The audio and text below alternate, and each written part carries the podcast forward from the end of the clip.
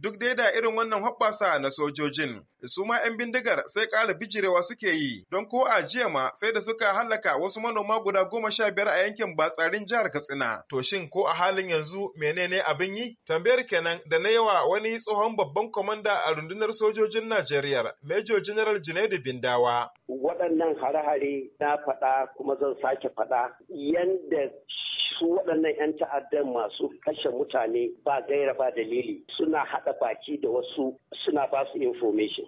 Shawarar nan mun ba da Malam Hassan cewa akwai abin da ake cewa community parliament a wajen irin su Pakistan ana ce ma abin da Afghanistan ana cewa lawyer jirga. A tara al'umma kowane local gama ya zama kamar akwai mutum ɗari uku ko ɗari zuwa ɗari biyar. A cikin ku samu waɗanda za su riƙa kawo bayanai. Nawa ne gwamnati za ta za ta riƙa biyan mutum hamsin mutum ɗari suna ba da bayanan da za a daƙile waɗannan 'yan ta'adda. Amma wata sa'a sai ka rasa inda gwamnati ta nufa ko kuma waɗanda ke tafiyar da abin kila akwai wani abu daban wanda mu mu sani ba. Wallahi wallahi idan aka bi ya zamana ana samun bayani su kuma jami'an tsaro suna amfani da bayanin da aka ba su in bayanin abin da ake ce ma timely ko kuma actionable intelligence wallahi za a ci nasara. A wani sabon farmakin da ta kaddamar jiya mai take Operation Accord da ke ƙarƙashin farmakin Operation Hadarin Daji na hedikwatar tsaron Najeriya.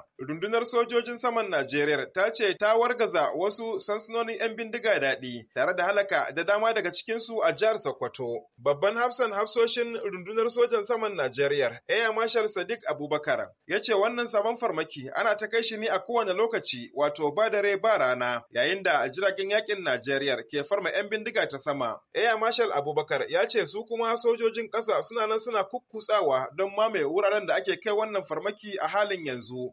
kamar yadda na ce ma muna samun nasara kyawawan fahimtar juna da sojojin ƙasa. Dan jirgi baya iya kama waje. Jirgi sai dai ya zuba bom ya gyara wajen mutanen ƙasa su je su kama. To saboda haka dole ne a samu kyakkyawan fahimtar juna tsakaninmu da sojojin ƙasa kuma muna wannan kyakkyawan fahimtar juna muna ta faman mu ga cewa mun daɗa haɓaka shi. Wannan abu ne wanda yake sabo ga mu kanmu da su su kansu. Ka gane? Ban Hafsan ya ce duba da yadda dajin Kagara ya zarce zuwa ƙasar Nijar a halin yanzu ana ta haɗa hannu da mahukuntan Nijar ɗin don tabbatar da 'yan bindigar ba sa tserewa zuwa can. Ya ce za a tura ƙarin jiragen yaƙi zuwa jihar Sokoto da ma jihohin da aka kusa gare ta wato irin su Zamfara, Katsina, Kaduna da Naija don kawo ƙarshen aika-aikar 'yan bindiga daɗin. Hassan Mai na kaina, muryar Amurka daga Abuja, Nigeria.